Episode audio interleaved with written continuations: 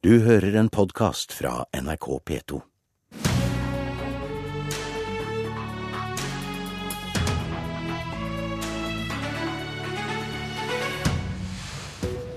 Riksrevisjonen mener vi ikke har bedre beredskap enn vi hadde i 2011.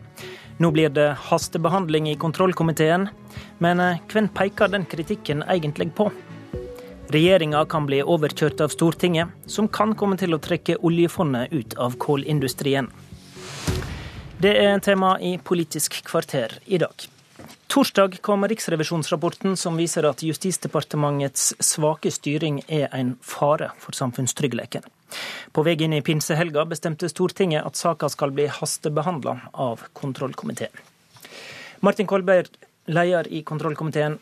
Hva nytt fikk dere vite om norsk beredskap fra Riksrevisjonen torsdag, som gjør at Stortingets kontrollkomité må hastebehandle dette? Ja, jeg vil si dessverre så fikk vi vite på nytt at det ikke fungerer slik som eh, Stortinget har bestemt. Og Det oppfatter vi som svært alvorlig, fordi dette handler jo om befolkningens sikkerhet og trygghet. Og eh, Norge er vel en av de få land i verden som har diskutert sin indre sikkerhet så nøye som vi har gjort etter 22.07. Eh, Anders Anundsen, som her sitter og som nå er justisminister, var da leder i kontrollkomiteen. Og jeg var nestleder. Og eh, vi havnet til slutt ned på et felles standpunkt i Stortinget når vi behandlet disse sakene. Gjorde veldig konkrete vedtak da, men også etterpå. Og eh, nå viser det seg at eh, vi ikke har kommet noe særlig på vei.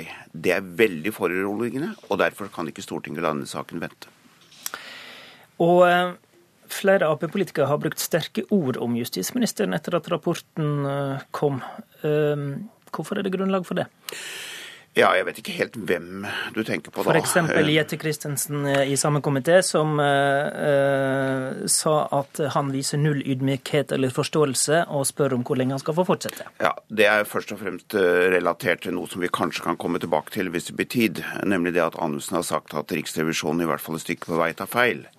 Og det mener ikke vi at han har grunnlag for. Så det var nok det som Jette Christensen tenkte på der. Men jeg har lyst til å trekke fram en helt annen dimensjon, eh, nemlig den som knytter seg til at vi står overfor en situasjon i Stortinget hvor vi har en følelse av at det nesten ikke spiller noen rolle hvem som styrer. Vi får det ikke til nesten uansett. Og det er det er en situasjon vi ikke kan leve med. Nå må vi finne ut hvorfor vi ikke greier å håndtere det som var kjernen i Gjørv-kommisjonens kritikk, nemlig samordning. Og eh, det eh, er det gjort tiltak på nå fra denne regjeringens side, men ikke på en sånn måte at Riksrevisjonen er fornøyd. Og vi må huske på nå, og jeg vet ikke om Per Kristian Foss liker at jeg sier dette, for han er, opptrer veldig uavhengig eh, og skikkelig i den rollen han nå har, men ikke desto mindre så var han med på den forrige behandlingen i Stortinget. Og hadde da en eh, veldig tydelig mening og en veldig tydelig kritikk. Og han er veldig kvalifisert til å skrive det han skriver i rapporten. Og det tror jeg både at Anders Anundsen og jeg skal ta inn over oss, og Stortinget må gjøre det. Og det er der jeg har min fokus, for det er befolkningens trygghet det handler om, ikke først og fremst spørsmålet om skyld. Justisminister Anders Anundsen, du er allerede introdusert. Eh, har du forstått styrken i den kritikken som kommer fra Riksrevisjonen?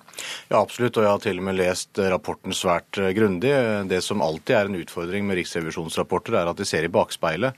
Eh, og Riksrevisjonen har jo i rapporten også sagt at det nå er gjennomført en rekke tiltak, men som de ikke kan vurdere konsekvensen av eh, foreløpig, fordi tiltakene har virket i for kort tid. Og når du og det... skrev i, så i bakspeilet, så skrev du til Riksrevisjonen at det ikke er tilstrekkelig grunnlag for å konkludere med at det er alvorlige svakheter med samordningsansvaret.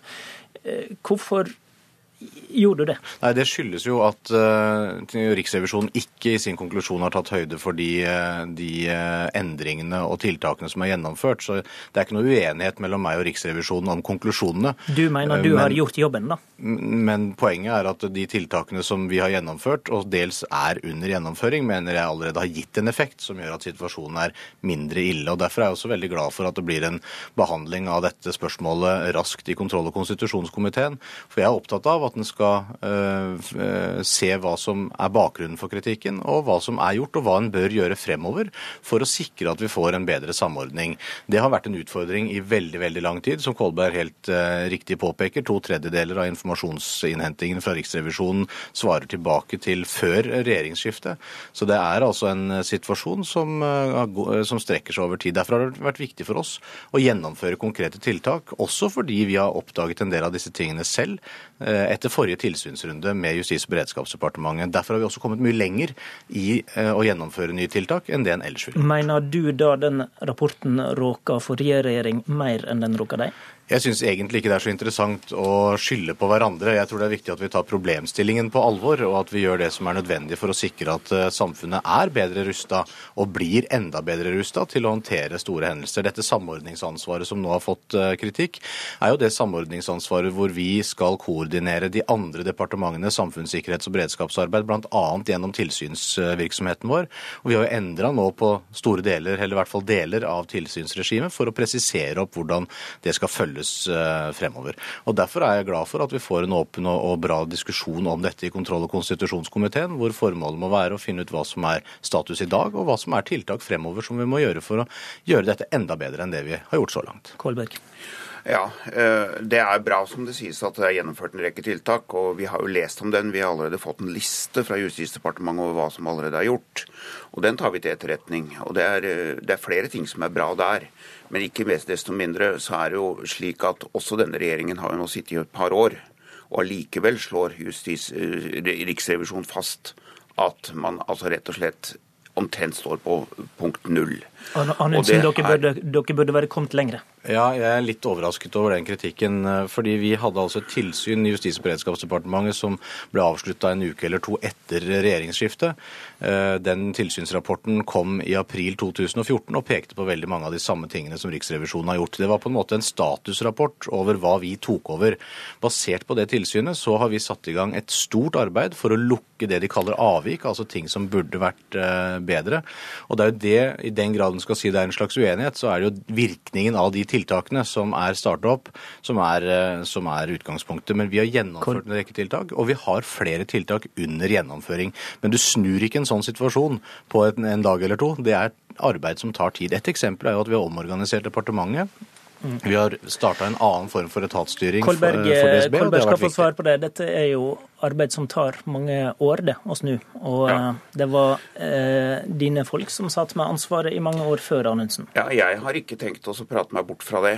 Eh, jeg hører at Anundsen er litt i gang med liksom å dokumentere alt han har gjort. Og vi skal gå igjennom alt hva Anundsen har gjort på en ordentlig måte. Og da skal vi si hva vi mener om det. Hva, hva er målet med det, da? Nei, det er for å se om det som er gjort, virker. For Riksrevisjonen sier jo at de tar til etterretning, som Anundsen sier, at det er gjennomført nye tiltak nå. Men de er i tvil om de kommer til å virke. Og det er det siste her som jeg er veldig betenkt rundt. Og nå har jeg sett dette over år i forskjellige posisjoner, og jeg er veldig opptatt av å faktisk få dette til å virke. Og så vil jeg si at det var jo slik at når den nye regjeringen tiltrådte, så hadde de jo veldig sterkt fokus på dette. Også statsministeren involverte seg direkte i det. Og statsministeren har jo også opprettet en egen statssekretærstilling på statsministerens kontor for å håndtere disse samordningsansvarene. Det har jo vært på en måte eh, kjernen i det. Og det er dette som Riksrevisjonen kritiserer, at det ikke fungerer. Og eh, Gjørv-kommisjonen eh, de, de, argumenterte imot en sånn slik eh, deling. De mente at alt skulle ligge i Justisdepartementet. Regjeringen gjorde noe annet. Nå sier Riksrevisjonen at det ikke fungerer som det skal. Men dog er det slik at dette skal vi gå inn i helt fordomsfritt. Vi skal se ordentlig på det. Og jeg er ikke opptatt av å fordele eh, skyld. Jeg er ikke opptatt av å fordele skyld, først og fremst. Jeg er opptatt av å konsentrere meg om å få tingene til å fungere. Anundsen skal få en kjapp sluttreplikk på det. Der tar Kolberg feil. Alt ansvar for samordningen ligger i Justis- og beredskapsdepartementet. Det har det gjort hele tiden. Det skal det fortsatt uh, gjøre. Samtidig så er det helt riktig at denne regjeringen har hatt et, og har et veldig sterkt fokus på det. Og jeg er veldig glad for at også kontroll- og konstitusjonskomiteen og Stortinget vil følge opp det, som, det engasjementet som Stortinget også har hatt for sikkerhets- og beredskapsspørsmål over tid. Takk til Anders Anundsen. Og Martin Kolberg.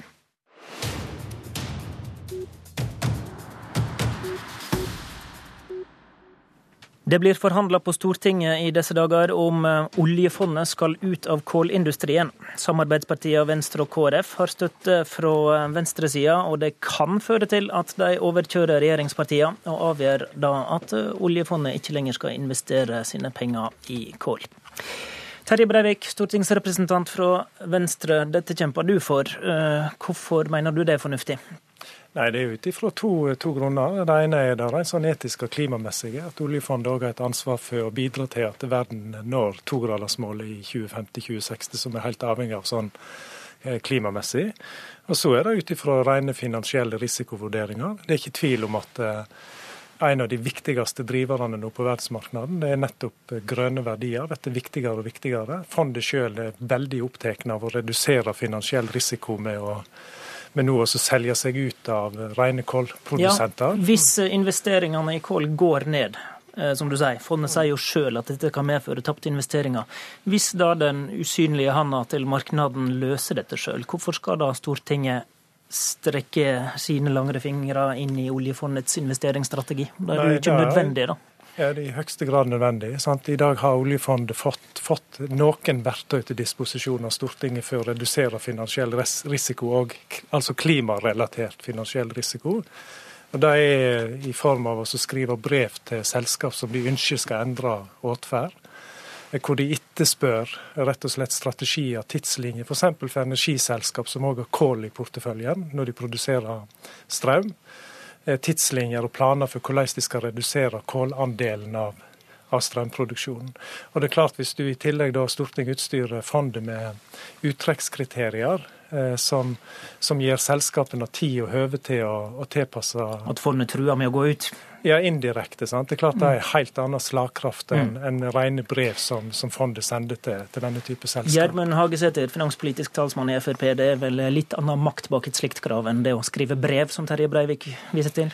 Ja, jeg eh, må jo bare si at Når det gjelder dette med finansielle eh, vurderinger og risikovurderinger, så er det altså oljefondet som gjør det. Vi kan ikke komme i den situasjonen at det er Stortinget som skal eh, vurdere hvilke sektorer man skal selge seg ut av og ikke. Altså skal Aluminium, hva mener vi om det, og kull, hva mener vi om det. Sånn at, og så er det slik som programlederen påpeker, altså at investeringer i kull det har gått nedover. Og Jeg kan altså ikke se at verden blir noe bedre sted når man pålegger oljefondet å, å selge sin ytterligere ytterligere ned eh, i kull. Hvorfor ikke det? Hvis det blir Nei, mindre penger i denne Ja, men det blir ikke mindre penger pga. det som poenget at når oljefondet selger sine aksjer, så er det altså noen man må selge de til. Eh, sannsynlige eh, kjøpere, det kan være russiske interesser, det kan være kinesiske interesser. Og, og felles så har disse nye kjøperne det, dette felles altså, at de kommer sannsynligvis til å være mindre opptatt av miljøstandarder, miljøkrav, enn det oljefondet er i dag. Eh, verden er også avhengig av kullkraft i mange år fremover. Eh, og det hjelper altså ikke om man selger seg ut. En annen ting er jo det at Norge er jo sjøl avhengig av å importere kullkraft i såkalt tørrår. ifra fra kullkraftverk i Europa. Og ikke nok med det, det er vi også som leverer kull til disse kullkraftverkene fra Store Norske eh, på Svalbard. Sånn at eh, her er det altså dobbeltmoral. Eh, og Fremskrittspartiet tror ikke det at dobbeltmoral er dobbelt så bra som eh, vanlig moral. Så dette er symbolpolitikk og har ingenting for seg om vi liksom pålegger oljefondet Breivik, å selge seg ut av kull. Du er dobbeltmoralist. Nei, men det er her Hagesæter og Frp mis, misoppfatter og, og er egentlig ikke tar til seg budskapen. Her er det jo ikke snakk om, eh, om, ekskluderingskriterier, men det er snakk om ut, uttrekkskriterier innretta sånn at du gir selskapene som de vedkjem, som har kål helt eller delvis i porteføljen, enten det er å produsere strøm eller det er for å drive gruvedrift.